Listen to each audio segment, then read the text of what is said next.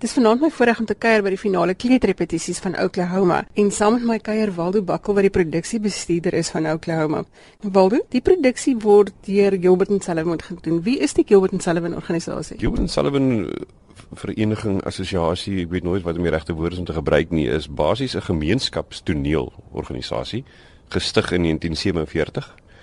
Hierdie jaar is ons 99ste produksie nie hoeveel sal jare oud nie want 'n paar jaar gelede het ons soms soms 2 of 3 keer per jaar opgetree. Maar ons is basies 'n lede-gedrewe organisasie, almal vrywilligers en ons doen dit omdat ons lief is daarvoor. En wat is die doel van Gilbert and Sullivan? Oorspronklik was die doel van die agter die stigting van Gilbert and Sullivan gewees om mense bymekaar te kry wat 'n groot liefde het vir Gilbert and Sullivan se genre van hulle musiek, uh operettes, operas as jy dit maar wil sou wil noem. Maar oor die jare het ons agtergekom dat die die liefde is raak minder en minder by mense as ek maar lelike woord kan gebruik. Uh mainstream musicals vat oor. Jou algemene musiek bly spel is baie meer populêr as Gilbert Sullivan se werke, maar ons probeer nou deesdae om ten minste een keer elke 3 jaar uh, 'n Gilbert Sullivan opera te doen. Volgende jaar is ons 100ste produksie en ons beoog om definitief een van hulle volgende jaar te doen. So ek aanvaar dit is dan 'n groot rede vir hoekom jy sekere produksies kies, is die feit dat sekeres is meer gewild as ander.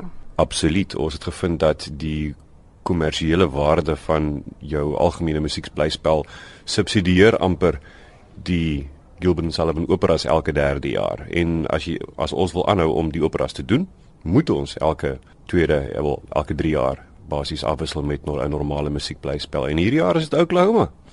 Maar jy het ook 'n ander dryfveer. Jy gee vir mense wat nie noodwendig die kans sal kry om professioneel of in 'n professionele produksie op die voorg te kom, wel die geleentheid om dan kennis te maak met 'n volledige produksie. Totaal en al en ons gee hulle ook 'n 'n blootstelling aan die hele proses van 'n audisieproses, ons het ons eie audisiepaneel wat hulle audisies doen.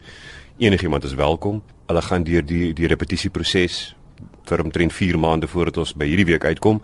En ja, dis mense wat nooit die gewil gewoonlik nie geleentheid sal kry om op hierdie groot eer om op te wees verhoog te staan waaraan ek nog altyd koue rillings kry as ek op hom gaan staan nie. Dit is 'n uh, ja, die geleentheid wat gebied word is groot. Ons het so 'n paar jaar gelede die pragtige erkenning gekry en ons was geëerd om die Multine medalje te wen by die stad Kaapstad. Ehm um, ons is baie trots daarop en dit was juis gewees omdat ons vir die Kaapstad as 'n breër gemeenskap en sy mense die geleentheid gee om sulke dinge te doen en om hulle self op die verhoog uit te leef. Wat dan ook noodwendig beteken dat die produksie staan glad nie agteruit vir enige professionele produksie nie. Geensins nie. Die enigste verskil is niemand word betaal om om op die verhoog te wees nie. Um, ons glo en ons streef om ons produksies so professioneel op alle vlakke uh, aan te bied soos wat enige ander professionele produksiehuis sou gedoen het. Jy het nou vertel van die Multino toekenning, was daar enige ander toekennings wat jy gekry het ook? Ja, ons um, probeer ons is nou al 3 keer wat ons oor see gegaan het na die uh, internasionale Gilbert Sullivan fees wat elke jaar plaasvind. En dit was in die verlede in Buxton geweest, is nou in Harrogate. En ons was gelukkig geweest om laas jaar die silwer medalje te wen daar vir ons optrede van of nie laas jaar nie in 2012 die silwer medalje te wen vir die uh, Yeoman of the Guard wat ons opgetree het. Ja, was 'n groot eer nog 'n rede om te weet dat hierdie produksie nie agteruit staan vir enige van die ander professionele produksies nie. Nog iemand wat saam met my kuier is Werner van Koller en hy is een van die twee curlies wat gecast is in Oklahoma. Werner, vertel vir my van die rol wat jy speel. Ja, Curly is 'n is 'n cowboy wat lus is vir die lewe. Hy het ehm um, hy's 'n bietjie 'n komplekse karakter want hy is hy's hy kan lekker tong in die kies wees, maar dan het hy ook 'n donker kant aan hom as hy by Judd in die smokehouse kom in in daardie toneel want hy wil nie eintlik hê Judd moet met Laurie um, uitgaan nie of die na die na die uh, sosiale geleentheid wat ook afspeel binne in die musical. So ehm um, Curly Curly is 'n bietjie van 'n komplekse karakter. Wat is vir die uitdagings Werner van die karakter? Sjoe, daar's 'n hele paar uitdagings. As ek dink um in die begin waar mens was en hoe uh, mens gegroei het met behulp van ondersteuning, mense in in Gilbert Sullivan Society, mense op die paneel in die produksie.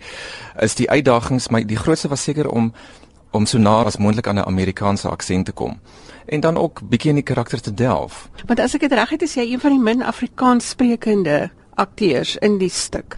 Ja, dis oorwegend uh, Engels alhoewel daar wel mense is wat Afrikaans as tweede taal het.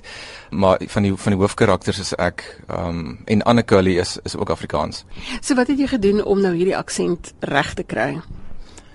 Weet jy ja, ek het gegaan na ehm um, uh, 'n persoon Michelle Galloway wat ook lankal betrokke is by Gilbert and Sullivan, sy het my gehelp. Um ons hulle het ook vir die hele groep 'n coach ingekry om veral met die chorus, met die koorwerke, die regte uitsprake te sing. So jy jy neem jouself maar op, jy doen die dialoog, jy luister na jouself, jy jy kyk maar, jy kou dit. Jy letterlik kou die teks, jy kou die woorde, jy kou die ritmes, um die melodielyne amper van die dialoog kan ek sê.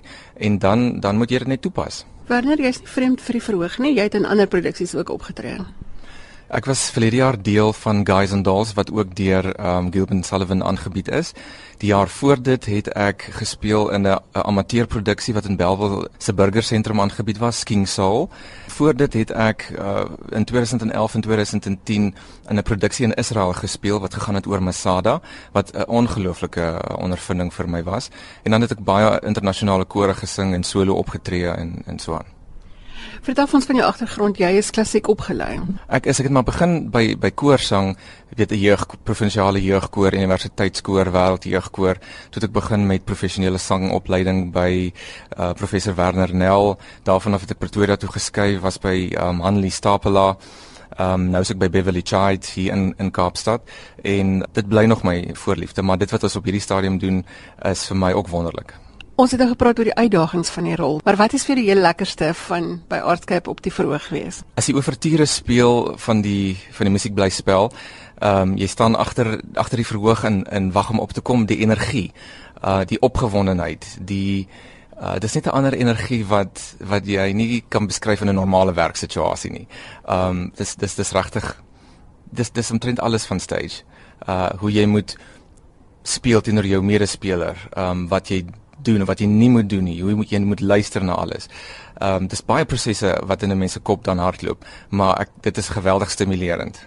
Wanneer wat die musiek aanbetref, uh tree jy op met 'n vol orkes? Ja, die Kaapse Filharmoniese Orkees speel en ehm um, dit is absoluut 'n ongelooflike ervaring om saam met hulle te werk. En is jy 'n natuurlike danser? Hoe gaan dit met die danspassies? Weet jy nie ek is nie, maar mens leer baie vinnig. dit is dis regtig um ek uh, as ek nie curly speel nie, is ek ook deel van die van die uh, span en dan doen ons ook dans en dit is vir my baie lekker om daai goed te leer. Dit is soos ek sê vir my geweldig stimulerend.